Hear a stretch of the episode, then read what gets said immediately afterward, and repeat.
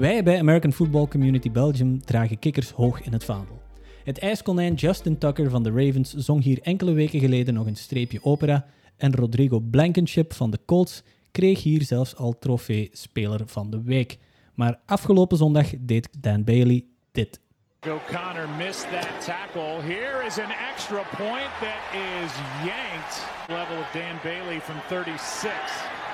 He is wide to the right. Good snap, good hold, kick, not close. See what Dan Bailey can do. He misses again. En uit de mond van zowat elke Vikings-fan kwamen de volgende woorden. What the hell was that? Is dat het geluid van de deur die achter het gat van Dan Bailey dichtvalt? Wij branden alvast een kaarsje voor deze kikker van de Vikings. Voor al jullie NFL en college nieuws, welkom bij de 28e aflevering van de American Football Community Belgium podcast.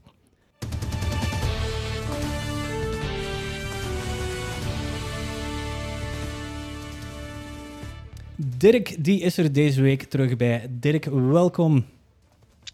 Ja, goedenavond, goedenavond. Ik ben er blij om er terug bij te zijn. Nog geen afkikverschijnsel gekregen, want eh, elke week als er een podcast eh, is en je bent er niet bij, dan, dan stuur je toch altijd wel in onze Slackgroep dat het een klein beetje kriebelt. Eh, wat, wat, wat, wat doe jij dan op die woensdagavond om 9 uur? Ga je dan zelf in dat portaal zitten waar je, waar je podcast?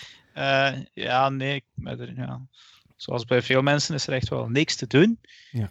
Ik denk dat ik vorige week uiteindelijk ben gaan padellen. Of dat is wel de enigste sport die nog toegelaten is eh, tegenwoordig in Vlaanderen. Dus dan ben ik dat maar gaan doen. Ja. Eh, en voor de rest is het ja, waarschijnlijk eh een slaapvallen op de zetel. Dus een spannende woensdagavonden die ik heb beleefd. maar toch blij dat ik er nu terug bij ben om een uurtje of meer over voetbal te lullen. Ja, daarvoor hebben we Frans erbij voor die tight 60 in doog te houden, want anders zitten we weer aan een uur en drie kwartier voor, vooraleer dat we het beseffen. Dag Frans. Hey, hallo guys. Hey, dag Frans. Eh, heb, je, heb je ondertussen nog wedstrijden moeten presenteren op, eh, op 11? Eh, ik heb er een drietal gedaan eind november, begin december. En nu is het een tijdje weer aan Jurgen, denk ik. En ik ga er hoogstwaarschijnlijk wel weer bij zijn in de playoffs. Ja, wij kijken er uiteraard naar uit. Hè. Ik, ik kom even terug eigenlijk op het geluidsfragment waar we de podcast mee, mee, mee hebben geopend. Ehm, het, het, het geval Dan Bailey. Ehm, drie eh, field goals gemist en één extra point gemist. Vorige week tegen de Jags was het ook niet eh, je, eh, je van het. Ehm, Frans, in, in, in zo'n geval, wat, wat doe je met zo'n kikker die... Ja, dit is niet meer niet in clutch kunnen presteren, dit is gewoon niet meer kunnen presteren. Normaal gezien kijk je naar de cijfers. En als je ziet wat die, wat die jongen in het begin van zijn carrière heeft gedaan. Denk zijn tweede en zijn derde jaar zat hij boven de 93% in eh, 2015 bij Dallas was hij bijna 94% Dus die eerste jaren van eh, zijn carrière gingen heel goed. Dan had hij, eh, ging hij plotseling maar drie van de vier meer omzetten. Is hij bij de, eh, bij de Vikings beland. Om dan vorig jaar weer meer dan 93% En Zimmer was heel tevreden van hem. Dus eh, hij is heel deel van zijn carrière heel goed geweest. Een paar jaren iets minder. Vorig jaar dan eigenlijk weer heel goed. En dat is natuurlijk waar Zimmer zich op baseert. Maar wat hij dit seizoen doet, ja, hij kan ook zomaar niet iemand eh, uit zijn hoed toveren en daar iemand anders zetten. Maar dit had eigenlijk het verschil kunnen zijn tussen wel of niet winnen en wel of niet in de playoffs. Ja. En dan moet je heel goed nadenken als het tussen zijn hoofd zit, als hij nog kan recoveren, of als het eh, game over is. hè. En het zag er zeker niet goed uit. Hè. Ja, Nee. Dirk, ja. eh, Ja, echt geen jij enkele bent- je- kick ges- eh, gescoord gewoon van de hele Nee. wedstrijd eigenlijk. Hè. Niks. De extra point één gemist en drie field goals gemist. En inderdaad, zoals Frans zegt, het zit in het hoofd. Ik kan er een beetje van meepraten als eh, keeper zijnde. Als je de eerste bal van de wedstrijd niet goed vangt, dan zit het voor de rest van de wedstrijd in je hoofd dat je elke bal niet goed zal vangen. Ik denk dat het bij, ook bij kickers zo is van als je het eerste, ik denk dat de eerste een, een, extra point was die hij shankt. Eh, dat je denkt, van, oei, dit had eigenlijk echt moeten lukken. Dan probeer je te corrigeren. Ga je erover nadenken in plaats van op automatische piloot spelen, wat die kikkers eigenlijk moeten doen. En dan begint het mis te lopen. En je, je kunt er ook niks aan doen. Hè. Dus uh, je moet tegen die man best zwijgen, denk ik dan, uh, op de zijlijn. Want ze gaan zeggen van speed gaat het wel lukken. Ja, dat, dat werkt dus ook omgekeerd. Dus het is een uh, eenzaam en niet te benijden beroep, denk ik. Ja, Frans, ik, ik moet ook, jij bent coach ja, geweest, hè, Frans? Jij... Ja, ik moet ook, moet ook eigenlijk wel zeggen... ja, um, de, wat, je, wat je ziet is... Die, als je het vergelijkt... Iedereen denkt dat iedereen Justin Tucker is. Ik kan je echt wel zeggen, wie nog maar naar voetbal beginnen kijken is in de 21ste eeuw, die is echt wel verwend. Want dit soort percentages zagen wij ook niet in de jaren 80 en 90. Kikkers die zo goed waren en zo tegen de perfectie waren. Maar nu, als iemand de 45 jaar er moet kijken, dan zeggen wij al van, ja, dat is een no-brainer. Dat zou er sowieso moeten inzitten. Dat is pas de laatste 15 à 20 jaar dat er zulke atleten gekomen zijn die bijna automatisch zijn, dat dat komt. Dus ik denk dat we een klein beetje verwend zijn. Maar natuurlijk, ja, als iemand over drie of vier verschillende wedstrijden uh, een paar eh, field goals mist, maar in één wedstrijd, dan is het echt wel, uh, is het echt wel pijnlijk. Hè? Ja. En uh, ja, special teams zijn gewoon heel belangrijk. Zo'n zo, zo Justin Tucker, die, die zou veel meer moeten verdienen wat hij verdient, want die heeft al echt wedstrijden gewonnen voor zijn team, terwijl Bailey nu misschien wel deels verantwoordelijk is voor een verlieswedstrijd. Ja, waar, waar zoek je die eigenlijk dan? Stel je voor, uh, Dan Bailey, van ja, het, het kruipt in zijn hoofd, het lukt niet meer, dat het, het is duidelijk dat het niet meer zou lukken. Wat doe je dan als coach? Waar, waar zoek je een nieuwe kikker dan? Want uh, Dirk, blijkbaar hebben ze hun practice squad kikker er al aan had gestuurd. Dat is heel bizar. Dus ik denk inderdaad dat Bailey nog een beetje uh, krediet heeft opgebouwd uit het verleden. En meestal als er dan zoiets gebeurt, uh, worden die maandag uh, aan de deur gezet, zodat ze nog de, rest van de week hebben om een, een nieuwe kikker te, te, zoeken. Maar ze hebben de, de practice squad kikker uh, aan de deur gezet. Waarom? Weet ik ook niet, maar misschien weer wel om inderdaad plaats te maken op dat roster. Ze gaan nu denk ik twee kikkers, ik ben de namen kwijt, Catanzo of zoiets, uitproberen om dan toch iemand te hebben voor het geval dat het echt niet meer Um, als hij iets uh, ja, niet meer recht krijgt, zal ik maar zeggen, uh, Bailey. Dus als het echt niet meer lukt, dat ze toch iemand in de plaats hebben om, om dat over te nemen. Ja. vanuit, vanuit de coaching standpunt is het simpel. Heel veel headcoaches hebben totaal geen affiniteit met een uh, kikker. En zelfs special teams coaches, daar zijn er veel tussen die misschien zelfs zelf nooit kikker geweest zijn. Dus je kan er eigenlijk weinig mee doen. Ik bedoel, ander soort type spelers daar hebben ze dan misschien een of andere manier van om ze te motiveren. Uh, eigenlijk wil je gewoon consistentie. Mhm. En die, die, die, die, topper, die topkickers zijn dan degene die ja, twee, drie wedstrijden voor je winnen op een seizoen. Wat je ook wel ziet, is, vind ik altijd grappig, is dat als dit gebeurt, dat alle andere spelers zeggen van ja, op het vliegtuig, we zitten dan te kijken naar hem en uh, hij heeft de wedstrijd voor ons verklooid. En waarom moeten wij hier uh, eh, 59 minuten uh, tegen elkaar inbonzen om dan die, die maar hier te laten ernaast schoppen? Ja, maar je moet dat maar eens zien als iemand een Super Bowl of een wedstrijd wint voor de playoffs. En het is de kikker die op de laatste seconde in 51 jaar erin kikt, omdat zij het verklooid hebben 59 minuten. Dan vliegen ze allemaal rond zijn nek. Dus ja, het is maar hoe je het ziet. Maar hoe ze zijn vertrouwen gaan opkrijgen, geen idee. Hij zal gewoon moeten uh, deze week tijdens de, tijdens de practices echt wel bewijzen dat, dat hij gewoon zijn mojo terug heeft. Ja. Ja. Voor hetzelfde geld kunnen ze ook uh, naar, naar, Sarah Fuller bellen van, uh, van Vanderbilt. Die heeft deze week de, uh, de eerste extra point gescoord bij, ja. bij Vanderbilt. After the play, unsportsmanlike conduct. Number 11 of the defense throwing the LSU player's shoe 20 yards down the field. Unsport, uh, that's his first unsportsmanlike conduct foul of the game. Automatic first down. Uh, I don't think I've ever heard an official announce throwing a player's shoe. Well, it and wasn't it wasn't 11. 11. It was Marco Wilson. Yeah. um, ik denk niet dat, uh, dat, dat zij alleen zijn in die kwestie. Heb, Dirk, heb jij ooit uh, in je carrière dat je, ah, in je carrière, uh, dat jij naar collegevoetbal aan het kijken bent? Heb jij ooit zo'n aankondiging gehoord? Nee, ja, regelmatig zie je wel dat er iemand een schoen verliest en dat dan gewoon doorloopt. Wat ik eigenlijk ook al gek vind als er personen van 150 kilo in het rondlopen. Maar een gegooide schoen heb ik echt inderdaad nog nooit gezien. En zeker niet dat er dan een, een vrij belangrijke penalty op volgt. Ja, welke wedstrijd was dat? Uh, het was een wedstrijd tussen de Florida Gators en de LSU Tigers. Uh, LSU Tigers van vorig seizoen, de, de, Joe Burrow nummer 1, maar die zijn dus eigenlijk helemaal leeg gekocht tussen naakjes tussen de, de NFL, door de NFL. En ja, er zit, dus we moeten een jaartje wachten om terug wat talent op te bouwen. De Gators waren, uh, die stonden nummer 7 gerankt, denk ik, in het land, torenhoog favoriet. Uh, nog kans op de playoffs. En het stond in deze wedstrijd op dat moment um, nog gelijk, dacht ik. 34-34. 34-34, inderdaad. Het was een heel goede wedstrijd. Ook leuk over en weer gaande. Uh, we hebben er wat filmpjes van op onze pagina gepost.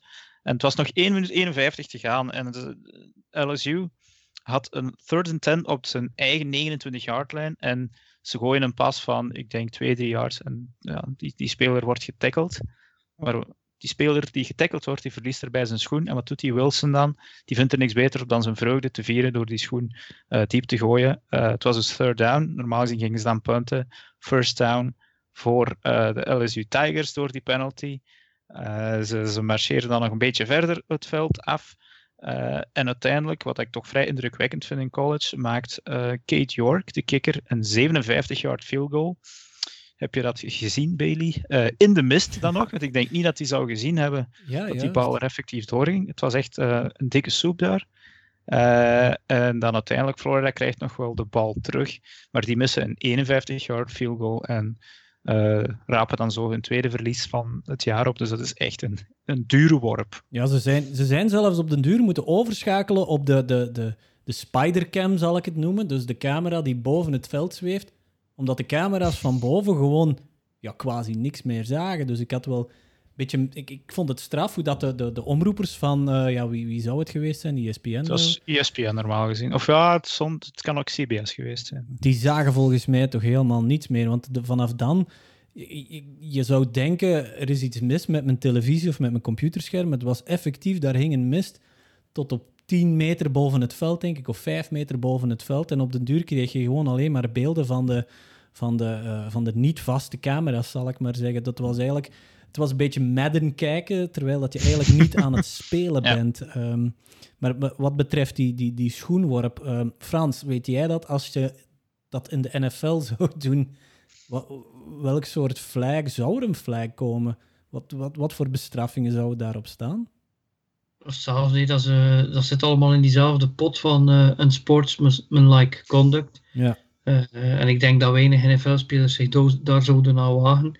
Vorig jaar hadden we wel iemand die een helm probeerde weg te gooien, wat dan heel hard tegen een quarterback zijn hoofd zat. Ja. Uh, dat was hey, Miles Garrett. Maar uh, wat me nog meer verwonderd is, ik, ik, had, ik, was headcoach van een tamelijk succesvol team tussen 2006 en 2012 of daarbij betrokken. En zolang ik headcoach was, uh, hamerde ik er echt ongelooflijk op, op uh, dat we zeker niet zouden verliezen uh, door dingen die we onder controle hadden. En een van de dingen die we onder controle hebben is don't be a moron. Mm. En bijna geen enkele speler die voor mij speelde, deed ook maar iets die leek op wat een moron zou doen. En, en dit was duidelijk iets waarvan dat je dan denkt, niet alleen was het dom, maar het heeft nog een effect gehad op, op de uitslag van de wedstrijd. Ja. En dat onderschatten spelers soms. In feite gaat dat er dan over, die zal ongelooflijke speech krijgen van hoe egoïstisch jij geweest is. Zo simpel is het. Dat, dat, dat zijn vieren van die stop. En hoe hij dat wil vieren, dat dat belangrijk was dan het team. En die zal geen goede week hebben, dat kan ik je nu al verzekeren. Nee, nee, nee. Ja, want ook uh, Florida, die waren 8 en 1, dus in college wordt uh, de win-loss, sorry, meegerekend uh, als de, de, de stand een beetje. En die waren 8 en 1, één keer nog maar verloren. Ze gingen de bal eigenlijk dus terugkrijgen met nog, nog een klein twee minuten te gaan. Gingen dus misschien nog voor uh, winnen en dan 9 en 1 worden. En door die 8 en 2 zijn ze nu eigenlijk een beetje uit de playoff race gejaagd. Dus eigenlijk wel. Ah, ze verdienen geen geld, maar uh, ja, ik denk dat hij wel meer dan één keer heeft mogen pompen, die speler. ja, uh, ja van, van, van de playoffs gesproken, Dirk, hoe, hoe gaan die eruit zien? Wacht, ik ga, ik ga je even een muziekje geven van, uh, van de playoffs van ESPN op de achtergrond. Oké. Okay. Ja, Dirk, doe maar, doe maar. ja, ja, de playoffs in het collegevoetbal zijn bestaan dus maar uit vier ploegen. En tot, ja, dat is dan de top 4 van de rankings. Op dit moment is dat uh, Alabama die 10 en 0 zijn. Notre Dame, die ook 10 en 0 zijn. Clemson, die 9 en 1 zijn. En Ohio State, die 5 en 0 zijn. Dus eigenlijk nog maar 5 wedstrijden gespeeld hebben. Um, ja, en dat, dat, daarvoor vind ik het een beetje een, een travestie dit jaar. Van Ohio State, die hebben 5 wedstrijden gespeeld tot nu toe. Uh, je ziet zoals die, die LSU of Clemson, die, je verliest ergens soms wel aan zijn wedstrijd. Ohio State heeft dus eigenlijk een, een cadeautje gekregen nu door, ja, een cadeautje door veel COVID uh, ja, uitstelwedstrijden eigenlijk. Ze hebben zelfs een uitzondering gekregen deze week dat ze mogen spelen in de, oh, de Big Ten Championship game. Um, maar zij blijven dus vierde staan. En ik, ja, ik, ik denk, ik vind eigenlijk niet dat zij zo weinig wedstrijden gespeeld hebben. Um, nou, die, die college playoff verdienen. Ja, oké, nee, daar, uh, daar kan ik volledig in komen. Want ja, een heel groot deel, uh, of ja, een, hoeveel procent van heel het college seizoen is gewoon één zwarte vlek geworden door, door middel van, uh, omwille van, van, van COVID. Het is toch. Ja, veel. Ja, de, iets, iets verder in de rankings zie je daar de USC Trojans, ook een bekende ploeg staan, die ook 5 en 0 zijn. Uh, maar die hebben dan maar een paar ja, zwakkere ploegen enkel tegen kunnen spelen. Er komt volgend jaar een uh, speler in de eerste ronde uh, van de NFL, Trey Lance, een quarterback. Dus onthoud die naam, die zal in de eerste ronde gedraft worden. dat is een quarterback van North Dakota State. Die heeft toch maar één wedstrijd gespeeld dit jaar. Oei. daar heb je echt dit jaar geen video over. Niks eigenlijk. het is dezelfde school als Carson Wentz om ja, oh, hier even, ja. Misschien oppassen hier. Uh, enfin, dus, dus daardoor heb ik het dit jaar eigenlijk ook wel minder gevolgd. Uh, uh, dit weekend zijn dan de Conference Championships, die normaal gezien echt een van de hoogtepunten van het jaar zijn. Alabama speelt tegen Florida dit weekend. Clemson speelt nog eens tegen Notre Dame. dat zijn grote wedstrijden, maar het is toch allemaal niet hetzelfde als andere jaren.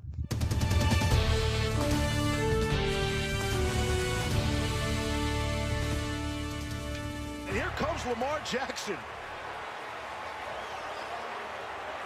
Trailing by a point. Jackson trying to throw for it, and he's got it. Marquise Brown hangs on to the football and scores. How do you like that? Ravens, Browns. Um, ik denk dat ik er nog een klein beetje van ben aan het bibberen. Ik heb die wedstrijd gisteren zelf gezien. Uh, gewoon lichten uit, gsm af, laat me allemaal doen. Ik wil die wedstrijd bekijken. En um, Frans en Dirk vindt mij dit jaar, of dit seizoen, of de laatste twee jaar, een betere game dan de deze. En ik trakteer jullie kerstdiner. Dat, uh, dit, dit, dit, dit is een wedstrijd die had letterlijk alles. Noem mij iets op, ja. dat alles. Ja, ja inderdaad. Uh, ik, ik, heb er ook een beetje van alles gezien. Uh, deflected TD's, uh, Baker Mayfield die in de endzone slide, een blocked extra point. ik heb iemand tegen de goalpost zien lopen. Ja, juist. Klopt. Op dat, dat, was op die Hail Mary, denk ik. Veel, heel veel punten natuurlijk. een, een, een clutch kick, een safety uiteindelijk nog. Um, en heel veel run run, run eigenlijk. Hè. Dus uh, ja. het had een beetje van alles. Het was een topwedstrijd. Jammer voor ons dat die maandagavond was. Ja, uh, Frans, hoe heb jij die wedstrijd beleefd? Toch met, uh, ja, met opengesperde ogen, moet ik geloven. Ja, toch ook wel een beetje een, een throwback gevoel. als je ziet, negen combined rushing touchdowns. Mm met, met beide teams. En als je ziet dat de vorige keer dat dat gebeurd was, dat uh, 1922. en toen was ik er zelfs nog niet bij. Dat is een dus, throwback, uh, ja, ja. En dan ben ik, was ik nog net niet geboren. Uh, ja, het, was een... Ik, ik heb jullie dat al een paar keer vermeld, he, omdat ik ook zelf die wedstrijden op Eleven Sports doe. In feite wil je meestal wedstrijden zien waar wat spanning in zit, maar heel veel van die wedstrijden ben ik ook natuurlijk het wat analytisch aan het bekijken en de tactiek en hoe gaat het en welke spelers doen wat en hoe komt het dat een team het, er wel in slaagt of niet in slaagt. En hier, na een bepaalde tijd, begin je gewoon daar niet meer op te letten, omdat het zo back and forth is, omdat je zo uh, veel uitstekende atleten bezig ziet. En omdat je natuurlijk ook wel denkt van, omdat je ook weet wat de implicaties zijn van die wedstrijd. Ik bedoel, dit gaat dus wel degelijk over wel of niet playoffs, of wel of niet uh, dat ze hoog seeded zijn in die playoffs. Voor de Browns hangt er zoveel van af. om na al die tijd er weer bij te zijn. Mhm. En wat ik ook heel raar vind, is dat Baker Mayfield, eh, ja, als hij tegen de, de, de Ravens speelt, heeft hij blijkbaar een, eh, nog een extra versnelling. En eh, omdat hij hier weer zo voor drie, meer dan 300 yards heeft gegooid. En dat ik ook al een paar wedstrijden heb gezien waarvan ik denk, ja, zou ik hem nu wel geld geven als franchise quarterback? En dan zie je hem hier spelen en dan denk je, wauw.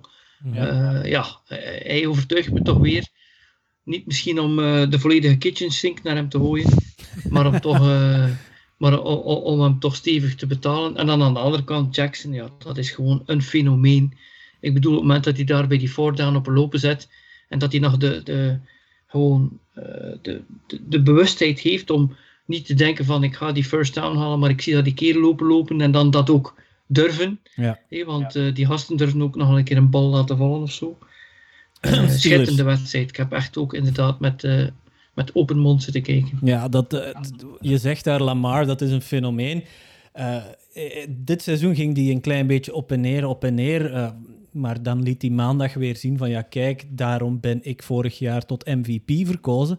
Maar dit misschien de, de, de grootste verhaallijn, of de meest opvallende verhaallijn van, van die wedstrijd is toch dat plotsklaps verdween Lamar Jackson uit die wedstrijd. Die, plots stond Trace McSorley op het veld, want eh, RG3, de, de, de, de backup quarterback dan, die, die was nog inactief. Dus Trace McSorley, die kennen we nog van eh, de wedstrijd. eh, ik denk dat wat, dat was een woensdagavondwedstrijd een paar weken geleden tegen de Steelers, waar dat, dat die het eigenlijk best niet slecht deed toen als eh, RG3 uitviel. Maar wat bleek, en daar, is het, daar, daar, daar, zijn, daar zijn de mensen het blijkbaar nog altijd niet over eens. Eh, Lamar Jackson is naar de kleedkamer gegaan met krampen. Maar zowel in het Engels als in het Nederlands kan dat twee dingen betekenen. Oftewel zeg je krampen pakt in je spieren, bijvoorbeeld. Je moet wat vocht hebben. Maar je kan natuurlijk ook gewoon op de pot gaan moeten zitten. En zoals die binnenliep in de, in, de, in de kleedkamer, ik denk dat iedereen al wel zo eens een momentje heeft gehad van, ja, het is nu wel heel dringend, ik moet richting die pot gaan. Dat was wel een tred als de die, volgens mij. Want eh, ik, ik begrijp ook niet waarom dat Lamar Jackson zo'n beetje die, die, die verhaallijn tegenwerkt van, ja, nee, nee, nee, ik moest niet naar de pot, ik moest niet gaan schijten. Maar, maar ik, Ja. ik, ik moest gewoon aan een IV gaan liggen. Als ik Lamar Jackson was, ik voedde die verhaallijn gewoon van dat ik op de pot ben eh, moeten gaan zitten. Want stel je voor dat je dat kan vertellen van, ja, ik moest naar het toilet. Ik heb daar gewoon eh, mijn, mijn, mijn, mijn buik leeggemaakt op die pot. Ik ben naar buiten gegaan. Ik heb daar een TD gegooid. En voilà, we hebben die wedstrijd gewoon gewonnen. Dat is toch... Misschien, misschien was het ook effectief zo dat hij eh, aan een, een IV moest gaan hangen. Hè. Dus, Ja, want hij Ehm, heeft COVID gehad. Hè, maar- dus, ja, Twitter had blijkbaar wel echt een field day ja. om van alle... We moeten ook, moeten ook wel iets bij vertellen voor mensen die dat misschien niet weten. Maar eh, wielrenners die eh, 3000 kilometer moeten rijden in drie weken in de Tour de France, die mogen dus op geen enkele manier ook maar enige spuit krijgen. En American voetballers Ja. die drie uur spelen en van die drie uur spelen maar 60 minuten spelen. En van die 60 minuten natuurlijk maar 30, omdat ze aanval of verdediging zijn. En in werkelijkheid maar 11 minuten werkelijk weg en weer lopen. Eh, die moeten soms een IV hebben. En die mogen dat dus ook hebben in de NFL. Een Ja. eh, intraveneuze shot. Ik wist, ik wist eigenlijk ook niet dat dat mocht Ja. die- het- voor dit weekend. Dus eh, eh, ja, het is inderdaad een beetje vreemd. Ah ja, als het maar vocht is, dan is het maar dat. Maar ja, eh, het was in ieder geval heel, een grappig momentje, maar ook het, het, het droeg bij tot de, ja, de, de, de, magie het van de episch wedstrijd, gehalte ja. van de wedstrijd. Een beetje. Hè, van, ja, je starting quarterback loopt, ja, hoe zeggen ze dat Engels, gingerly de kleedkamer binnen op zijn tippen een beetje. Ja, van krampen zou ik ook wel een beetje beginnen tippelen. Maar, en komt eraan uitgespeurd om een fourth down te, eh, om te zetten in de, in de beslissende touchdown van, van Hollywood Brown. ja, beslissend. Ehm, Justin, Justin Tucker eh, heeft daar nog de, de, de field goal Ja, ja, hè. ja maar het, is- het was toch ook redelijk beslissend. Het, wa het, was de lead, het was een lead change, ja, want daarna scoren ze ook, eh, dus Marquise Brown scoort die touchdown, dan een, een, een two-point conversion.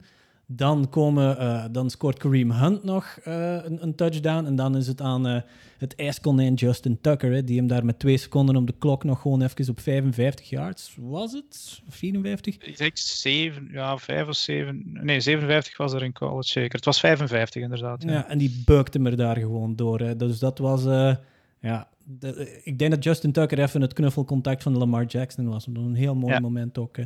Maar het is ook het is een rivalry puur sang. Het is nog altijd, dat zijn aardsvijanden, die twee, de Browns en de Ravens. En om dan eigenlijk zo'n quote-unquote mooie match te zien, want ik heb geen duwpartijtjes gezien, ik heb geen vechtpartijtjes gezien, ik heb wel heel veel flags gezien. Eh, ik denk eh, acht aan elke kant. Ehm, dat, dat, Oké, maar dat heeft niks te maken met vuil spelen dan uiteindelijk. Ehm, om, om maar bijvoorbeeld, eh, Nick Chubb bijvoorbeeld, valt er eigenlijk heel hard in op. Dat is, eh, dat is een Jerommeke.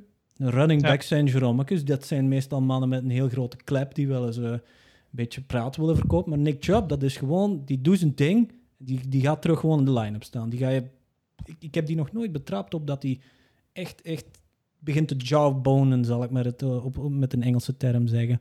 Dus dit Ja. was sowieso, op, op dat gebied was dit ook een, een perfecte wedstrijd eigenlijk.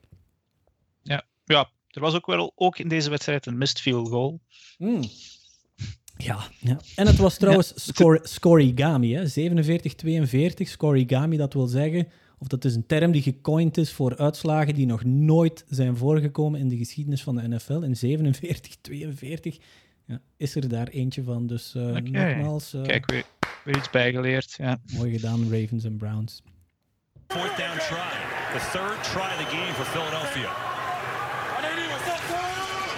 Blitz is coming. Hurts sees it, gets rid of it. It's caught for the touchdown. Alshon Jeffrey. There's a penalty back by the quarterback. Jalen Hurts eh, met zijn eerste start te- direct tegen de Saints. en direct een overwinning ook nog voor, eh, voor Jalen Hurts en de Eagles. eh 24-21. Eh, ik denk niet dat ik de enige ben als ik zeg van... What? The fuck? Dit, eh, dit had ik toch wel in de verste verte niet zien aankomen. Eh, Frans, wat, eh, hoe, hoe ervaar jij de eerste de start van, van Hurts en dan uiteindelijk de overwinning ook nog wel? Want ik, ik merkte heel veel rust in het team plotseling. Ik had de wedstrijd op Eleven Sports gedaan, waar Hurts dan op het einde erin gekomen was. En uiteindelijk zag je hem, ja, dat er wel een spark was. Hè? Dat, dat, dat hij wel iets anders meebracht dan, eh dan, dan Wentz. Want Wentz die heeft duidelijk een beetje noorden verloren, denk je. Maar wat er wel natuurlijk heel frappant is, is dat iedereen al heel het seizoen zegt, natuurlijk kan Wentz eh, niet goed spelen, want die offensive line die is crap. Wel, die offensive line die speelde dit, seizoen, dit, dit, deze, dit weekend tegen een van de betere defenses. En op een of andere manier kon Hurts er toch wel iets van maken. En eh, ja, maar ik, een van de dingen die ik hier natuurlijk ook wil aanhalen. één, heel goed van Hurts natuurlijk. Maar twee, er is iets dat dan voor hem ook een rol heeft gespeeld. Want Hurts heeft wel meer dan 100 yards ook gerusht. Maar eh, Miles Sanders had 115 yards en twee touchdowns. Ja. Ja. En als je naar de andere kant kijkt, dan zie je dat Taysom Hill ook wel weer wat runt en wel wat passes heeft gegooid. 28 van 38, dat is niet mis. Maar Alvin Kamara opnieuw maar 50 yards rushing. Dus voor mij is het wel heel frappant dat we nu al weken zeggen, met Hill in de, in de, in de starting line-up zien we Kamara minder. En dat bleef wel werken tot op het moment dat je eigenlijk ja, toch wel moet een achterstand ophalen. En dat bleek dan toch niet Nee. doenbaar. En dan nog zeker niet tegen een ploeg die eigenlijk wordt gezien als een van de zwakkere in de NFC. Ja, eh, het, het was inderdaad frappant dat op het einde. Eh, Hij heeft geen two-minute drill, geen two-minute offense eigenlijk. Eh, dus als het, als het echt van moeten is, ja, dan, dan is het bij, bij Taysom Hill inderdaad wel wat lastiger. En dan vraag je je af dat ze inderdaad niet beter eh, een passer à la Jam- James Winston voor zo'n situaties hadden eh, kunnen gebruiken. Maar dat is praat na de vaak natuurlijk. Ja. Maar in, in, in Amerika, de, de meeste analisten, want ik, ik kijk naar CBS, NBC, Fox en zo, lachen eigenlijk gewoon met Taysom Hill. Er is bijna niemand die die man eh, serieus neemt. Iedereen weet of zegt dat hij een, een gadget quarterback is. En je ziet het ook gewoon eh, als hij zijn passes gooit. En ik denk dat hij zelfs eigenlijk een beetje, dat een beetje reverse is nu natuurlijk. Dat Hill eigenlijk veel meer ook gewoon zelf zou moeten lopen. Eh, Mhm. hij, Ja. hij, mag, hij mag een soort eh, ehm, ehm, Jackson of Mahomes zijn. Hij hoeft niet Maar op een of andere manier probeert hij toch wel te bewijzen van, nee, nee, ik ben een, eh, een bona fide quarterback, ik kan dat wel allemaal. Terwijl hij is misschien een van die quarterbacks van de nieuwe generatie, die niet hoeft telkens in die pocket te staan. En vandaar ja, eh, dat het een beetje op, op twee benen hangt. En dan was het eigenlijk niet, niets, niet een van beide in die wedstrijd. En je zag ook wel dat die Hurts bracht al een beetje leiderschap. En heel, het is nog altijd alsof hij daar zit van, ja, ik hou hier de stoel warm van iemand. Ja. Uh, je ziet hem niet het laken naar zich toe trekken. En dat moet je natuurlijk, als quarterback moet je gewoon de absolute leider zijn. Hè? Ja.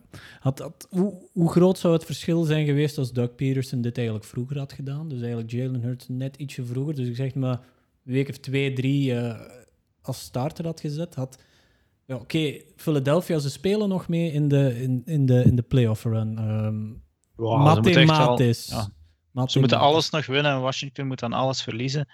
Dus ik weet niet of dat, dat nog kan. Uh, ik denk toch dat het ongeveer zo zit.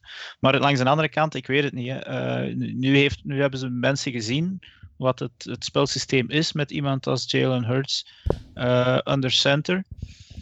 Ja, dan, dan kan je.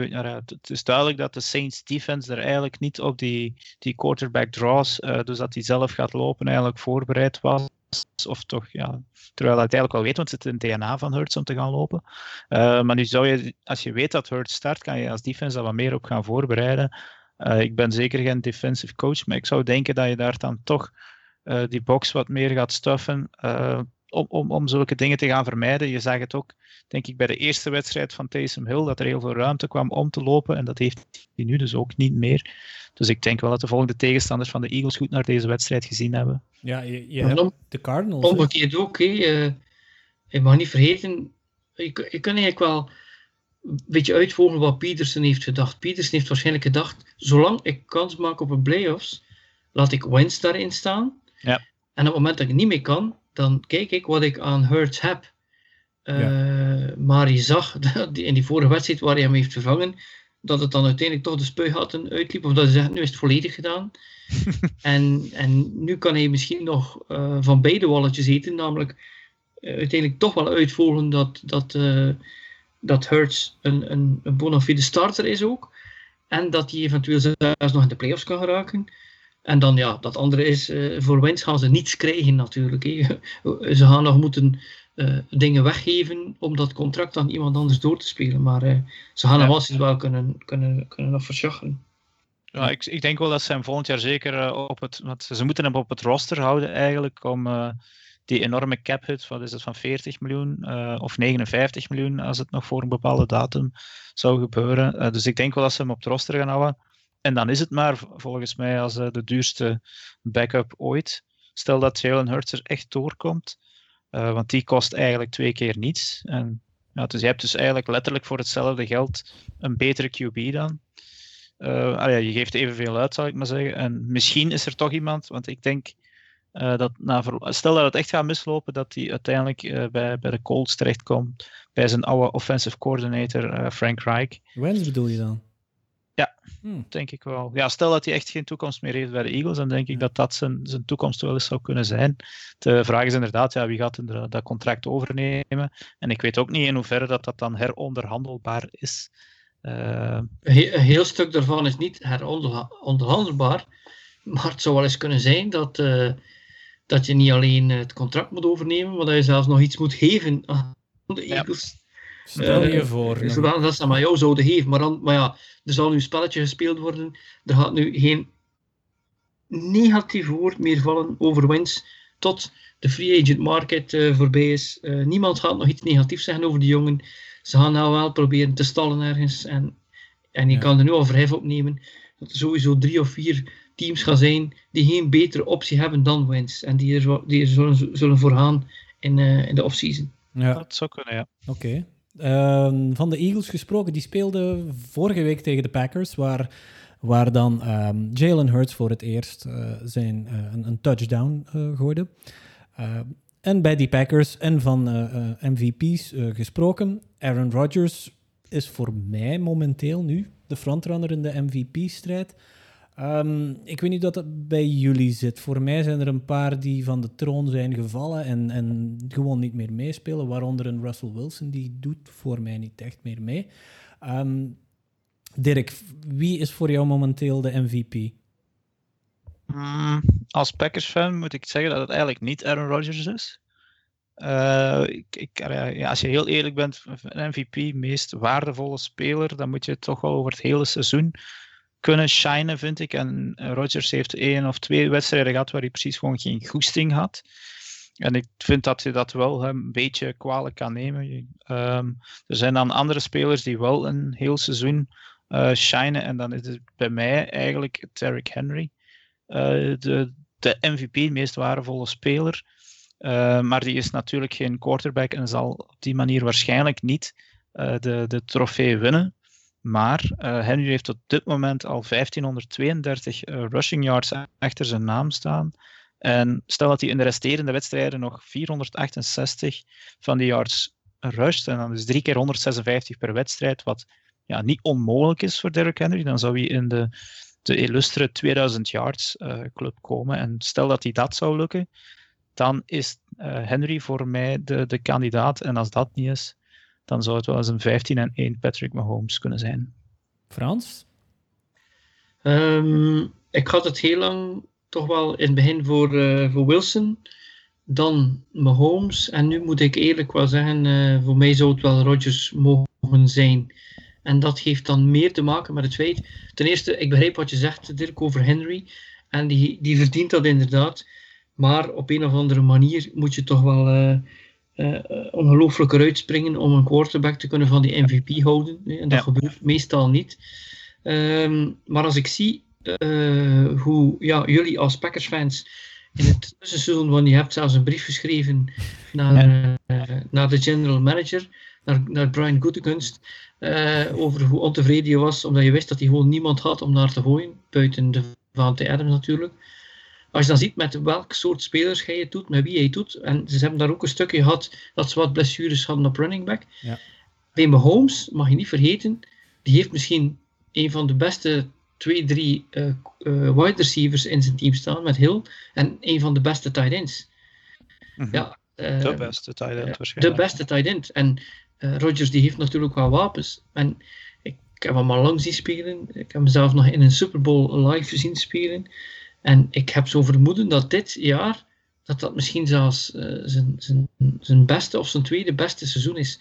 Dus, en als je ja. dan kijkt naar de statistieken, want daar kijkt men ook wel meestal naartoe. Uh, 39 touchdowns uh, passing tegenover 4 onderscheppingen. Uh, Mahomes 33 tegenover 5. Um, en dan allebei, allebei twee touchdowns rushing. Ja, cijfermatig zijn ze elkaar waard. Ongeveer 69, 68% completion percentage. Die, die rate is ook boven de 110. Dus ik vind dat hij nu voorlopig meer waard is voor zijn team. Uh, en ik zou het, uh, voor de NFL, ik zou het aan Rodgers geven. Ja. ja, want een MVP is voor mij nog altijd een verschilmaker. Een meest waardevolle, een verschilmaker. Als ik dan kijk naar, naar, naar een Rodgers, die heeft een niet een fantastisch team. Hij heeft wel een fantastische ja. receiver. Maar ja. het is, het, de, de spoeling is ook heel dun bij Green Bay. Hè? Dus moest daar een, een, een Adams uitvallen, dan heb dat je een probleem. Dat ah, is gebeurd. Ja. Als er een Jones uitvalt, dan heb je een probleem. Dat, dat is ook al gebeurd. Dus dan draagt eigenlijk Rodgers dat team op zijn schouders. Dat doet Henry net, ja, net iets minder, vind ik dan. Maar ja, het, het is toch meer Henry zijn team dan Tannehill zijn team, vind ik. Uh, mm -hmm. Zeker de, voor de winst binnen te halen. Ja, ja absoluut. Um, Oké, van die MVP-discussie van de Packers, dan kunnen we gewoon in de NFC blijven. Hè. Um, de playoff implicaties daar, hoe dat die eruit zien. Green Bay, ja, ze zitten wel in een, uh, met een uitstekende offense. Ze hebben de Lions nog eens geklopt. Maar uh, toch weer al met maar, maar zeven punten verschil. Het, dat is de reden waarom ik dit jaar Green Bay eigenlijk nog niet vertrouw om het heel ver te gaan schoppen in die, in die, in die playoffs. Daarvoor is de defense net iets te, ja, net iets te min. Uh, als ze bijvoorbeeld nog eens tegen de Rams gaan uitkomen, ja, met, met een Cam Akers, dan, dan zie ik heel die defense gewoon plat gelopen worden. Um, doet pijn om te zeggen natuurlijk. Um, de Saints die hebben hun zwakke plekken vertoond door 200 plus uh, yards runners toe te laten en dan nog eens te verliezen tegen de Eagles. En dan komen we uit bij die Rams eigenlijk. Um, Frans, zij hebben de, uh, de Patriots met 24-3 ja, toch wel toch met een stevige strikker rond uh, naar huis gestuurd. Waar, waar liggen die hun sterktes en, en, en hun zwaktes om, om, het, om het ver te schoppen in die playoffs? De, de sterkte die bij hen ligt is twee, tweeledig. En dat is aan de ene kant, uh, of drieledig eigenlijk, uitstekende headcoach, ja. uh, uitstekende defense en toch wel een tamelijke serviceable running game. En dan kan je dat wel overkomen met een quarterback die af en toe is hot en cold is. Maar als je dan naar die man zijn receiving corps kijkt, ja, daar loopt nog wel wat rond. Dus ik denk dat zo'n team zoals de Rams, dat die nog ver kunnen komen in de playoffs. Uh, vooral als je ziet natuurlijk dat ja, achter hen dat daar toch wel wat vraagtekens staan. En wat ik eigenlijk wel heel frappant vind, want ik had even gekeken voor we deze uh, podcast inblikken, hoeveel teams in de NFC eigenlijk nog uh, in de playoffs kunnen komen. Weet jullie dat? Um, toch nog, wel een paar nog 12 van de 16? Nee? 4? 16, allemaal. Allemaal? Allee, Ja. En dat, dat, ik, ik dacht dat dat niet kon, want de Carolina mhm. Panthers staan 4 en 9. Maar de, Carol, de Arizona Cardinals staan 7 en 6. Ja. Dat wil dus zeggen dat natuurlijk de hele AFC East nog in de playoffs kan komen. Maar de Carolina Panthers die kunnen ook nog uh, eh, 7 en 9 worden. En eventueel de Cardinals voorbij steken. Ja. Dus dat is eigenlijk wel heel frappant. Dat heb ik nog weinig gezien. Toch geen cadeau voor de playoffs. Ja. Er zit natuurlijk zo geen Jets of Falcons in de, in de NFC die, uh, die er echt uh, uitsteken langs de onderkant. Uh, misschien nog even terugkomen op de Rams. Het, het, grote nadeel dat ze moeten overkomen is, is natuurlijk wel hun spelmaker Jared Goff. Als die onder druk gezet wordt. maar dan moeten ze natuurlijk wel een team tegenkomen dat, dat, dat die druk kan zetten. En zoveel zijn er, ja, er zijn er in de NFC wel zo'n paar. Uh, ja, ik, ik, zou niet graag tegen, tegen de Washington D-line spelen natuurlijk, maar die hebben dan weer weinig offense.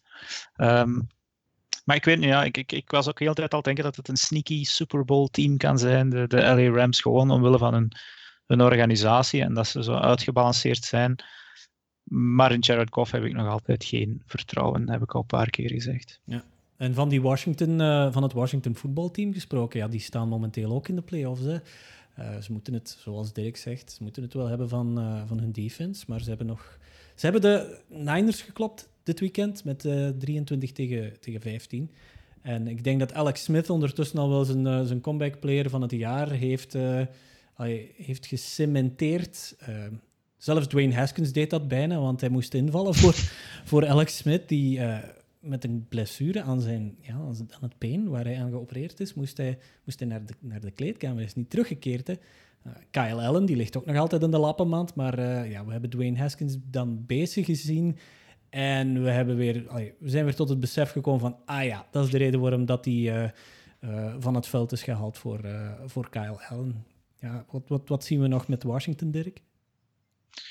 Ik dacht dat de blessure van Smith meeviel als ik de eerste berichtgeving erover, erover las. Dus ik denk wel uh, dat het voor hen zal meevallen. Ze zitten nu eigenlijk 6 en 7. Dat is eigenlijk, uh, ondanks dat ze dus uit die NFC least komen, geen schandalig uh, record tot nu toe. Maar ja, ik, ik, dacht echt dat er maar een, een, ploeg met 6 wins naar de playoffs zou gaan. Maar ze hebben uiteindelijk dus nu al, al vijf, nee, vier keer op rij gewonnen, zeker. En eh, ik zie ze er nog wel één of twee winnen. Dus zij gaan in de playoff komen. En ik wil ze niet, niemand wil, dat heeft de coach Ron Rivera uh, na de wedstrijd ook gezegd, en niemand wil tegen hen spelen op dit moment. Uh, Chase Young, ik, niemand wil, geen enkel QB wil die op je af zien komen. die heeft deze weekend trouwens een, een, een eerste TD gescoord na een fumble. dus ja, ik, ik, ik, ze gaan de Super Bowl niet winnen, maar ze gaan wel iemand pijn kunnen doen. Klopt. dat denk ik ook wel. Wie, wie, wie is de volgende tegenstander van, van het Washington voetbalteam? Eens even op. De Seahawks. De Seahawks, Seahawks. ja. Ah ja, oké. Dan de Seahawks, ja, die, die zitten ook nog in... eh, momenteel zitten die ook in de playoffs. Hè. Ze hebben de, de, ja, de Jets. Ja, wat was dat? Ik weet niet. m- moeten we nog de Jets een professioneel voetbalteam blijven noemen? Want dit was echt wel het dieptepunt tegen, eh, tegen Seattle. hè. Het was zelfs zo erg dat Seattle in de derde kwart Geno Smith heeft laten spelen op quarterback. Eh, Veel, veel fantasy-spelers zullen dat waarschijnlijk niet graag gezien hebben, waaronder ik, want ik heb die man... eh, ik, heb, ik, heb, eh, ik heb Russell Wilson in mijn fantasy staan en het was maar een overwinning met drie punten als puntje bij paaltje kwam. Dus eh dank u wel, Pete Carroll, om mij een paar vingernagels te kosten. Ehm, Seattle, ja, tegen het Washington-team. Dat, ja... Ik weet niet wie de, aan, aan welke kant dat ik daar dan moet gaan staan. Als, als, als, mijn, mijn hoofd zegt Washington. Om, om, toch weer al zo het underdog eh, gehalte en ook de, de, de, de flow waarin ze bezig zijn. Ook, hè. Ai, ik, zie het, ik zie het toch wel gebeuren. Frans, eh, Seattle, we weten waar hun zwaktes liggen. Maar waar liggen die hun sterktes nu? Maar een zwakte was eigenlijk de defense. En eh, de laatste weken begint dat toch wel wat op te pikken. Dus waarschijnlijk is er toch wat gel gekomen eh, in die defense. Want die was er eerst niet. En eh, ja, als je natuurlijk wel ziet dat Wilson naar Lockett, dat was iets wat we al jaren hebben gezien. Maar nu plotseling zie je hoe DK Metcalf daar bovenuit steekt. Die tight ends worden ook gebruikt. Plotseling lijkt de running game ook te werken. Dus ik denk wel dat de Seahawks eigenlijk het eh, niet zo moeilijk gaan hebben met, eh, met het Washington voetbalteam. En ik moet er ook bij vermelden, ik zei dat iedereen nog kans maakte in de NFC, de Falcons niet. Die, eh, die, die, Ja, hebben, eh, die maken daar geen kans meer op. En maar, ehm, maar ja, Klopt. Washington zal waarschijnlijk deze verliezen en eventueel met 8 en 8 of 7 en 9 in de playoffs komen. Maar ik denk dat Seattle dit, dit moet winnen. Dit, eh, dit denk ik wel, dat, dat zou zeker moeten kunnen. Ja. De Buccaneers, eh, het team van Tom Brady, die, eh, ja, die Dan Bailey eh, tegenover zich hadden dit weekend. Gelukkig voor de, voor de Buccaneers dan. Zij wonnen met eh 26-14 tegen de Vikings. Er zit nog altijd geen echt dominant team in die NFC. En misschien hetgeen, het team dat daar het dichtst bij aanleunt, gaat misschien wel de Buccaneers zijn. In, het, in de zin van het meest evenwichtige team. Ben ik dan, ben ik dan in de buurt, Dirk? De Buccaneers, het meest evenwichtige team. Mhm. Ehm, goh, sterkte ik- denk- defense, sterkte ja, in, de, in, de, in offense. de NFC inderdaad, misschien. Ehm, daar, daar, daar zou je iets van, van kunnen zeggen. Ehm, maar om dan echt te, presteren, ze hebben vijf losses al, dat is toch net iets te veel om, om echt super evenwichtig te zijn. Eh, en misschien dat hun, hun zwakte. Ja, ja, is, is, is het eigenlijk niet Tom Brady een beetje? Eh, ik vind van wel. het, het draagt toch dat team iets minder eh, dan, dan de Patriots. Ah ja, op zijn 43 is het misschien wel, wel, wel vergeven, maar het heeft altijd die sterrencast rondom zich. Die hebben heel veel geluk dat ze een goede, een goede, defen- een goede run defense vooral hebben. Ehm, en dan een brede wire aan wapens eigenlijk. Want ze kunnen zelfs Leonard Fournette als healthy scratch naast het veld laten staan en Ronald Jones laten lopen. Ik denk dat er ploegen staan te bedelen om een goede running back. Dus op dat vlak heeft hij veel geluk. En zullen ze ook wel op een gemakske richting de playoffs wandelen. Maar daar zal hij dan toch een paar keer eh, Tom Brady aan zijn nek ferm mogen gaan uitsteken. Ja, ja, in de playoffs zie ik ze ook wel geen brokken maken, maar ja, ik zie ze toch wel in die, in die NFC South. Ja, de playoffs, dat is, een, dat is een gegeven. Maar als ik dan spreek over evenwichtig, dan heb ik zoiets van, ja, ik wil ze eigenlijk elke week niet zien winnen. In de zin van, ik heb daar een paar spelers in die ploeg zitten waar ik absoluut niet mee door één deur zou kunnen qua karakter bijvoorbeeld. Maar Ja, Het- ja maar jij bent geen Tom Brady fan, hè? Laten we dat. ik ben eh, geen Tom Brady van. Nee, inderdaad, dat klopt. Eh, ja, genoeg over mijn eh, Tom Brady. Ehm, Frans, dan hebben we nog Arizona. Dat is de laatste weken toch ook een beetje een mysterie aan het worden. Hè? Er, er was een periode in het seizoen dat, dat Kyler Murray en D-Hop... eh, Dat, dat dat twee sterren waren, dat het eh, elke week feest was. Maar dat is de laatste week toch een beetje anders. Nochtans hebben ze de Giants wel kunnen kloppen, maar ja, het zijn ook maar, maar Ja, aanhalingstekens, de Giants. Maar het, het, het vet is daar toch een beetje van de soep. Ja, het leek eerst een, eh, soort Cinderella story en dan zag je dat eh, met de blessure van Murray dat er daar toch iets aan de hand was. Eh, dat het team toch ook wel heel erg op hem, op hem leunde. En eigenlijk is het een hele andere situatie voor de Cardinals dan voor de Buccaneers. Want de Buccaneers, zoals Dirk zei, die staan nu 8 en 5.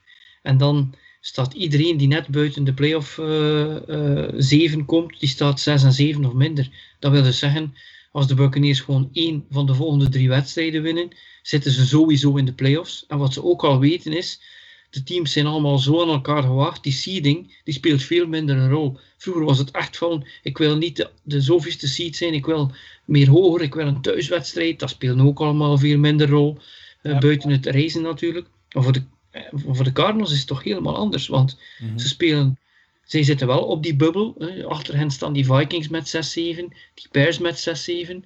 Maar ze spelen dan nog eens tegen de Eagles, die een soort renaissance hadden met Hurts. Dus ja, ik denk, als ze van hun kracht uitgaan, dat ze eigenlijk de Eagles wel aan moeten kunnen. En dat zij hoogstwaarschijnlijk in die playoffs wel behoren. Eh, maar dan zal het eh, toch wel afhangen van Kyler Murray, denk ik. Ja, daar kan ik me ook in vinden. Uh, bij de AFC, ah ja, overgaan van de NFC naar de AFC. Uh, als we onze tight 60 willen halen in Frans, dan, uh, dan, gaan we een klein beetje moeten verder doen, denk ik. Maar daar uh, stond ook een, een, een, mooie wedstrijd op het, op het programma. Hè. De Bills tegen de Steelers. En daar, daar hebben we dit van. Empty the backfield on third and seven. Bring four underneath. Johnson dropped it again. It is twice that Johnson can't hang on. You can just see he knows.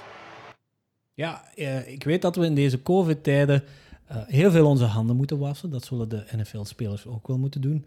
Maar wat is daar de laatste weken aan de hand bij de Steelers? Um, hebben die, ja, ik weet niet, hebben die, hebben die, hebben die zeep aan hun, aan hun vingers hangen? Uh, ligt het bij Big Ben?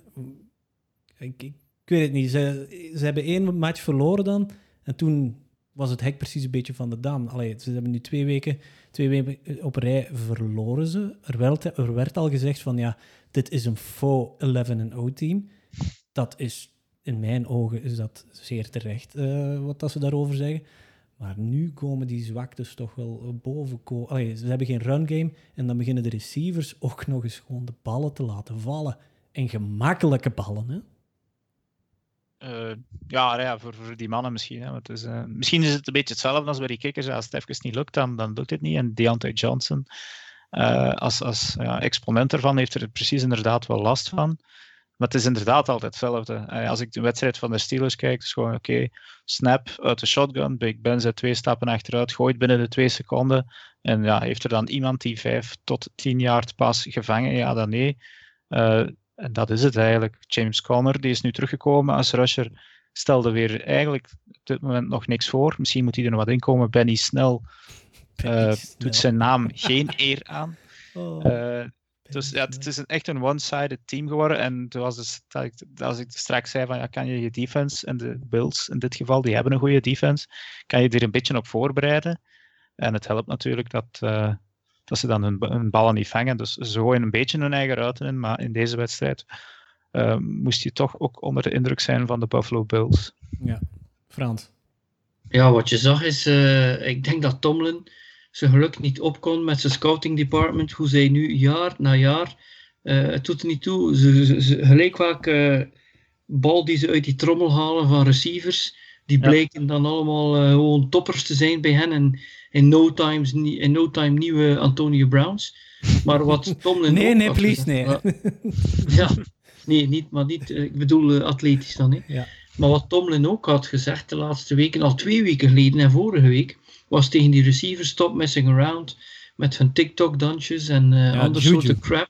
En dan was er nog iemand die op, de, op het logo van de Bills een TikTok-dansje had Ja. gedaan. Ja. Juju. Juju. En ik, ik kan je dus verzekeren, bij Tomlin gaat dat het dus niet door. Ehm, en inderdaad, eh, die drops zijn er. Eh, die drops gebeuren. Die gaan, die gaan altijd meer zien in december, januari dan in september natuurlijk, als het warm is. Eh, En als de weersomstandigheden meezitten. Mhm. Maar ik denk dat we ook iets anders uit het oog verliezen. En dat is dat Josh Allen eigenlijk op een, ja, een heel hoog niveau speelt. De quarterback van de Bills. Ja. Dat de, de Steelers waarschijnlijk iets mindere tegenstanders gehad hebben. En het daar gemakkelijk hebben gehad. Maar dit was echt een, een slugfest. Een echte wedstrijd die er mocht zijn. En heel raar, had ik nooit op gelet. Maar Josh Allen heeft nu al eh, 34 touchdowns. En daarmee heeft hij er meer dan eh, Hall of Famer Jim Kelly in een single seizoen. Mhm. eh, in Buffalo history.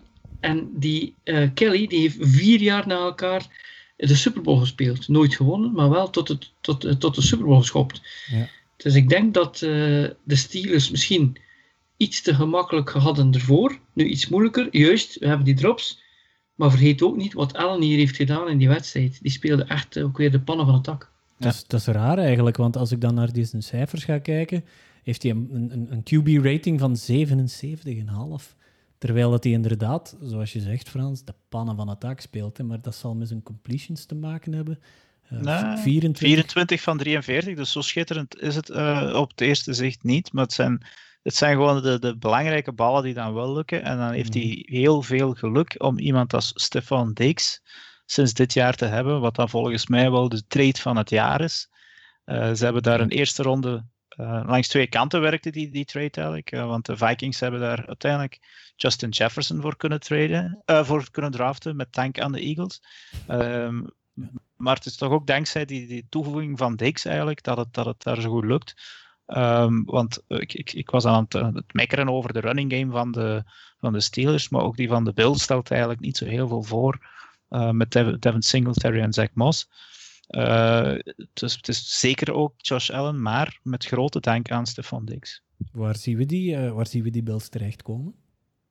Ik, ja, ik, ik, ik weet niet tegen wie dat die zou moeten. Ja, ze, ze kunnen van zichzelf verliezen. Mhm. Ehm, maar ik, ik, ik, ik heb er eigenlijk wel veel hoop op dat die, die- dat die, veel, dat die ver kunnen eh, gaan schoppen eigenlijk. Ehm, eh, ze kunnen tegen iedereen winnen. Ze kunnen ook tegen veel ploegen verliezen, maar ze kunnen tegen iedereen winnen. En als Josh Allen het, eh, die heeft een beetje een mid-season slump gehad, Ja, maar als die zo blijft spelen zoals het begin van het seizoen en nu, dan zie ik ze niet veel verliezen. Packers, en, vooral, eh, in, en vooral in de playoffs geen brain fart zoals vorig Ja. jaar. ja, voilà. dat moeten ze vermijden. Dat, dat was pijnlijk. Packers tegen eh, Bills, dat zou toch een hele schone Super Bowl zijn, hè? Nee? Ehm, Twee, Ja, twee ja, gunslingers tegen elkaar met, met toch een klein beetje running game. Ik, ik zie dat wel gebeuren. Ja. teken ik voor. voilà. Eh, dan gaan we over naar het, eh, het favoriete team van Frans, hè, de Chiefs tegen de Dolphins. Oké, de Dolphins hebben wel verloren.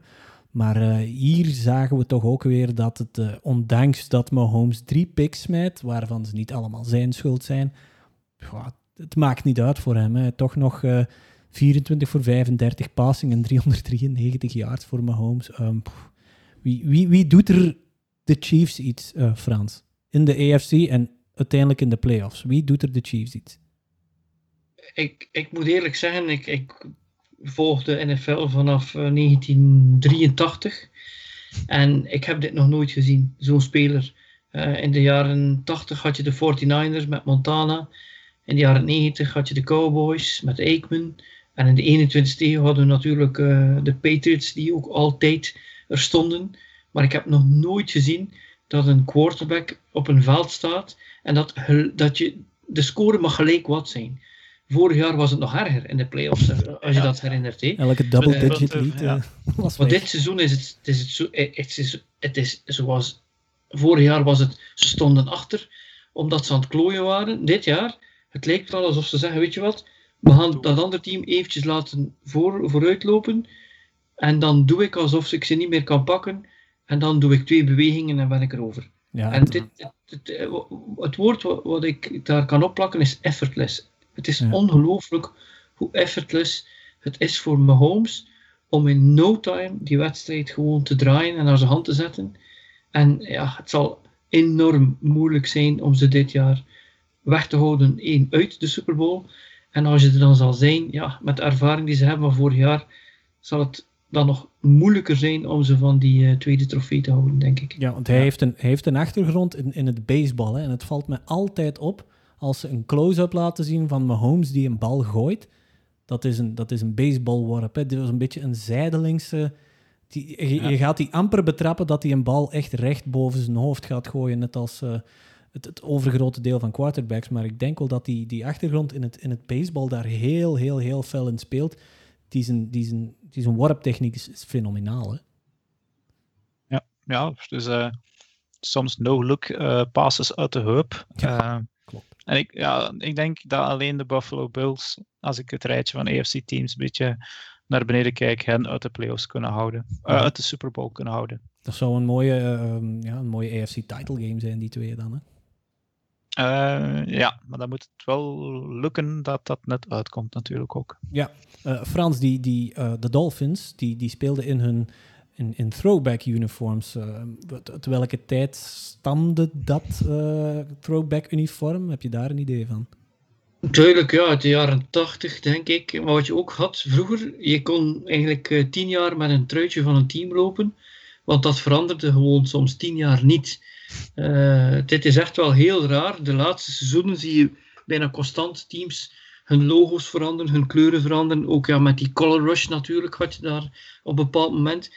Uh, en dan throwback in de tijd van die throwback, dat bestond niet. Er was nie, bijna nooit niemand die dat deed. Uh, dat, maar nu is er natuurlijk veel meer merchandising daar rond. Maar dit was het logo waar jij terecht van zegt, een, een dolfijn met een helm op. het ziet, het ziet maar mij zo- doet dat ja, natuurlijk denken aan, eh, aan de Wonder Years van, eh, van mijn fandom met de Dolphins. Toen we tussen 1983 en 2003 maar één losing season hadden. Eh, dat was natuurlijk grotendeels eh, de verantwoordelijkheid van Dan Marino. Eh, en ja, als je dat dan, die helmen ziet en die truitjes, dan denk je bij mezelf, wat was ik toch een gelukkige mens in de vorige eeuw, toen ik fan was van een team die af en toe nog eens een, eh, een Ja. deuk in een pak boter kon slaan. Maar, maar nooit, Ja. Frans. Ja. Ja, toch niet in jouw tijd dan de Super Bowl wonnen natuurlijk. Dus, eh, Nee, Marino, die, het eerste seizoen dat ik hem zag spelen, die zat hij in de Super Bowl tegen de 49ers. Ik dacht, ja, die komt hier zeker nog vier, vijf keer terug. En vandaar Ja. dat ik nu altijd weet, als een team in de Super Bowl komt, die mag zich zo sterk voelen, denk nooit, volgend jaar sta ik hier terug. Ja. je weet maar nooit. Is er eigenlijk een reden waarom dat ze die throwbacks aandoen? Is daar een, een soort van traditie achter dan? Want, oh, of van, oké, Voert, we doen deze week onze, onze, onze throwbacks aan. Ik denk dat er 11 miljard redenen zijn. Ja. Dat is ongeveer de, de winst van de NFL. ja. Ja, inderdaad. We kijken alvast eh, ja, terug op een heel mooie speeldag en we kijken verder naar onze vaste rubrieken.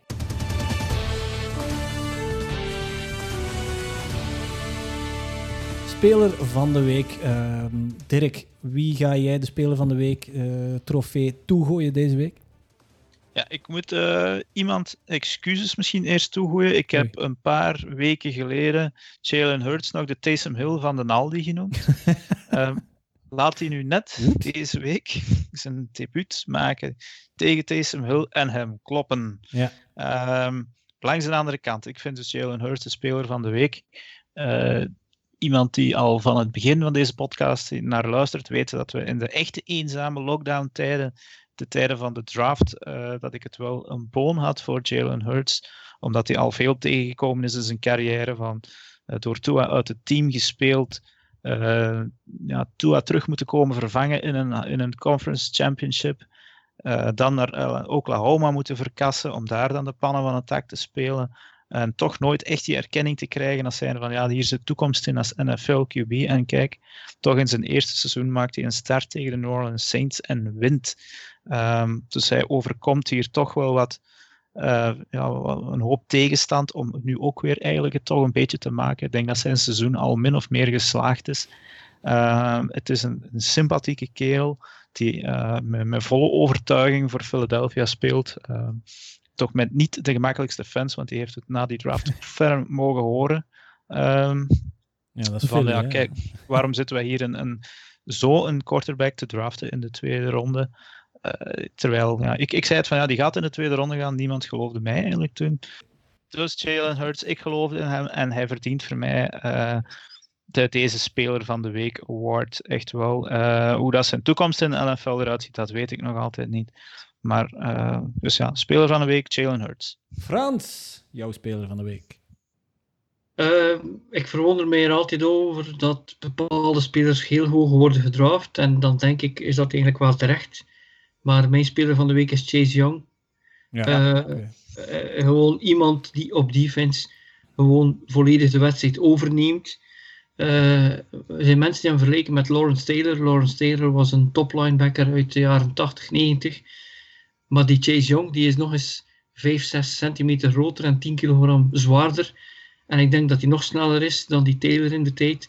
En ik, ja, ik, ik ben geneigd om af en toe naar Washington te kijken. Gewoon alleen maar om te zien wat die man allemaal uitsteekt met die quarterbacks. Dus dat was voor mij ja. uh, de speler van de week. Vooral omdat hij zijn team natuurlijk meehelpt uh, richting playoffs. Alright. Ja, niet, on, niet onbelangrijk. Hè. Defense, we kijken er inderdaad vrij weinig naar. Maar als je dus mannen als Chase Young kan rushen, dan, dan kan je gerust zeggen van we sturen er drie of maar vier richting de quarterback en de rest mag in, uh, mag in coverage gaan droppen, want dan komt die quarterback toch nog onder druk te staan. Dat geeft een enorm voordeel inderdaad om zo'n uh, ja, zo'n zo'n zo'n veelvraat echter hebben te staan. Dus uh, inderdaad, goede keuze Frans. Oké. Okay.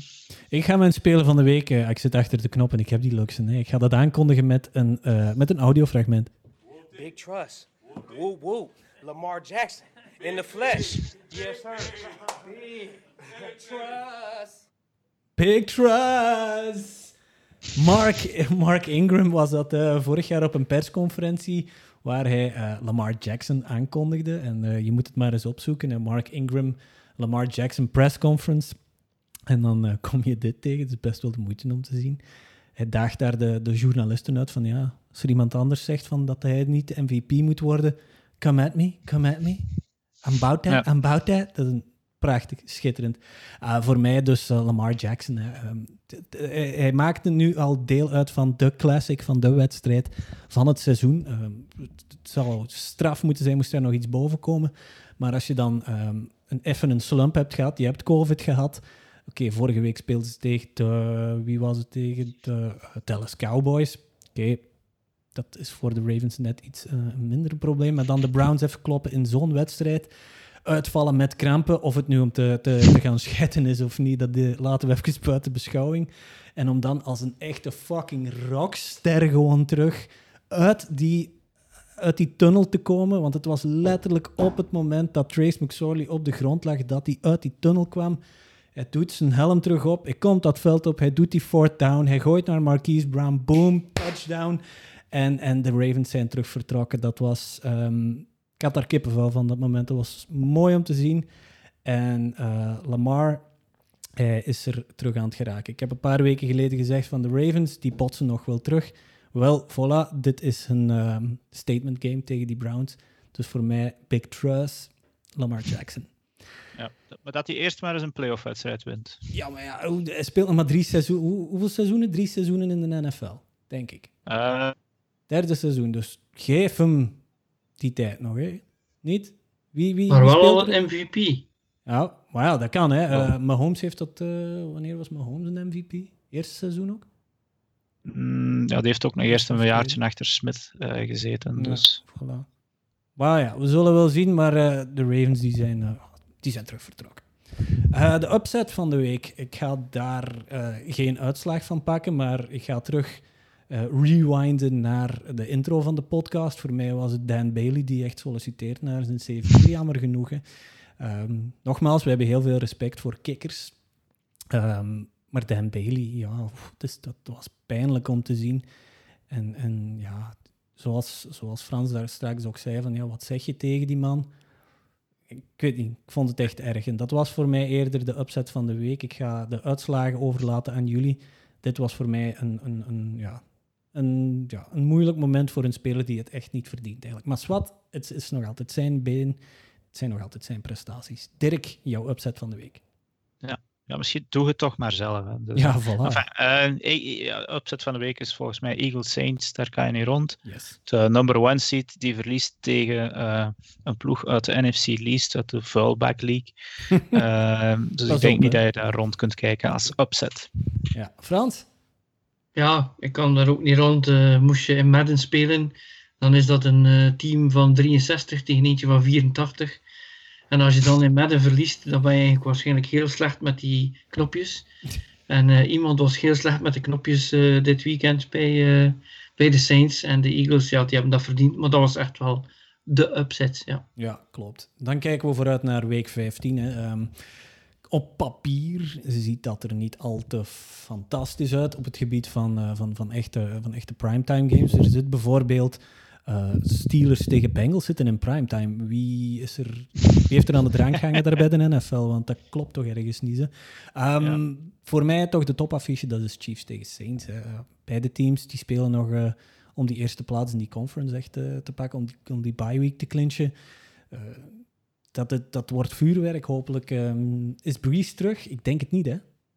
Mm, ja, ik, ik, ik, kan volgens mij spelen, maar het is ja. maar de vraag of dat je dan tegen de Chiefs, uh, ja. die er al direct gaat, gaat tussen gooien. Ja, ja, cool. Ik zou die nog een week laten wachten, of dat je nu nummer 2 seed bent of nummer, uh, of, ja, nummer, nummer 3 of 4 maakt niet zo heel veel uit. Geen home field advantage. Of, ja, misschien home field advantage, maar zeker die bye ben je kwijt. Dus ik zou nog rustig tegen, tegen, de, tegen, tegen de Chiefs, Taysom Hill zijn ding laten doen. Alright. Uh, voor mij dus Chiefs Saints. Uh, Frans, welke wedstrijd uh, ga jij met een zak chips en een pintje voorzitten?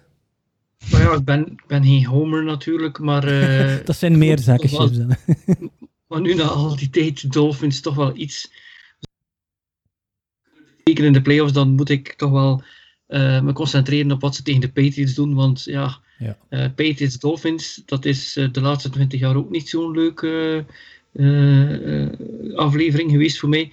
Met uitzondering natuurlijk vorig jaar, toen wij ja. elkaar voor het eerst hebben ontmoet. Wij zijn ja, allemaal samen juist. iets gaan drinken in een café in Antwerpen. En die brave mensen hadden ons beloofd dat we NFL gingen zien. En het enige wat we konden zien was uh, de Patriots tegen de, de, Dolphins. Dus dat was een beetje een teleurstelling. Wow. Maar dan bleek dat een ongelooflijke toffe wedstrijd te zijn. Zeker voor een Dolphins-fan. Ja. En bleek het ook het einde van uh, de Brady-era te zijn. Dat was ook wel speciaal. Dus ik ga Dolphins-Patriots van heel dichtbij volgen. Yes. Dirk?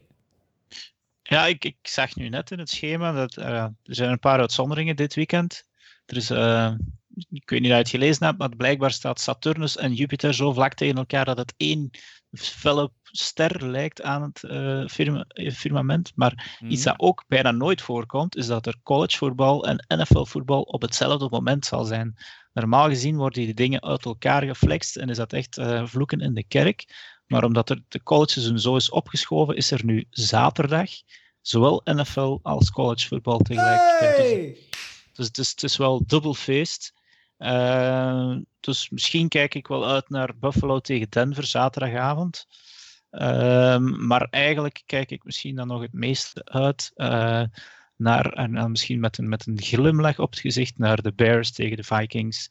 In de, de, dat wordt een kutmatch. Ja, nee, een van die twee ploegen die zal winnen, maakt uiteindelijk toch nog, zoals Frans zei, kans op de playoffs. Dus het, uh, als Packer-fans die de de divisie eigenlijk al geclinched hebben, kan ik hier inderdaad ook gerust met een pinch naar kijken en lachen met de verliezer. En misschien ook met de winnaar. Je weet maar nooit. Ja, alright. Dan rest ons nog de Lock of the Weeks, dus de Surefire um, van de week. Ik ga er ook ik ga, ik ga zo een, een geluidseffectje uh, ergens boven, boven trekken voor, voor deze rubriek. Um, ik heb het daarnet al even gezegd. Um, primetime, Monday Night Football, Steelers at Bengals. Mijn god. Het gaat een bloedbad zijn. Um, misschien blijven de Steelers nog een beetje verder sukkelen op hun elan van de laatste weken, maar dan nog, de Bengals, dat is gewoon... Dat is een gewoon dier waar vijf camions over gereden zijn sinds dat Joe Burrow uit is gevallen. Dus uh, ja. die krijgen, die, die, die, zoals Frans daarnet al zei, geen, um, wat was het? geen, geen duik in een pakje boter. Ja, er, ik denk dat de Bengals nog uh, een blauw oog openhouden als ze te, uh, overhouden als ze tegen een pakje boter aanlopen. Want zie ik niet goed komen. Steelers uit Bengals, die clinchen dat. Ja. Ik denk inderdaad uh, dat de Bengals momenteel zelfs uh, zonder Joe Burrow van een XFL-team zouden verliezen. Um, Jet, ik, ik, ga Jets? het mij niet te gemakkelijk maken. Uh, de Jets mogen we niet kiezen. Nee. De Jaguars ga ik ook niet kiezen.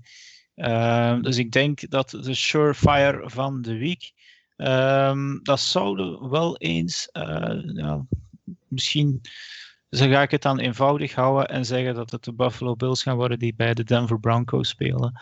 Uh, en, en, dat Josh Allen op zijn elan gaat doorgaan. Ik zou gemakkelijker dingen kunnen kiezen, maar ik denk dat uh, dat ook wel een overwinning gaat worden. Frans? Ja, ik had toch wel iets uh, meer onions laten hangen. En ik zou zeggen, de Seahawks die gaan het voetbalteam mm. eventjes weer aan de kant zetten. Ja. Ga je er ook geld op zetten, Frans? dat zou ik wel eens durven, ja. het, is een goed, het, is een, uh, het is een goed seizoen geweest voorlopig voor mij, dus uh, ja. het kan alleen maar beter worden. Dan is er toch één iemand die dat uh, goed doet bij ons. goed, um, oké, okay, dan zijn we rond hè, voor deze 28e aflevering. Frans, bedankt om, er, om erbij te zijn. Ja, graag gedaan. Het was leuk. Ja, Dirk, um, ik hoop dat je niet te veel afkikverschijnselen hebt uh, nee, moeten oplopen. En, en, ik denk dat het in je portaal best wel fris kan zijn. Dus uh, zet, je maar, zet je maar in je zetel of, uh, of ga slapen. Want um, ja, we zijn rond. Hè. Dirk, bedankt. Ja. Graag gedaan. Binnenkort zijn we één jaar trouwens, niet vergeten. Ik weet niet meer juist wanneer onze eerste podcast was, maar oh. ik denk dat dat ergens eind december was. Dus ja. Ja. Volgende keer misschien inderdaad met een pintje erbij. Dat was een preview van de Super Bowl, dus dat zal midden januari al geweest Oei, ja, dan is nog even geleden. Dan. Ja, we geraken er wel. Goed, dan rest mij enkel nog um, ja, de mensen thuis, de podcastluisteraars, te bedanken. Like, share en deel. En um, ik vermeld ook nog wel eens dat we, terug, uh, dat we op Instagram zijn te vinden. Vorige week heeft Laurens dat al aangehaald. Um, Instagram.com slash AFC Belgium. Daar uh, posten wij de leukste memes en de leukste stories. Maar uh, ga zeker ook nog eens op onze Facebookpagina kijken. En um, laat ons een review achter als je het wilt. Dan geven we sowieso een shout-out. Alvast bedankt en tot volgende week.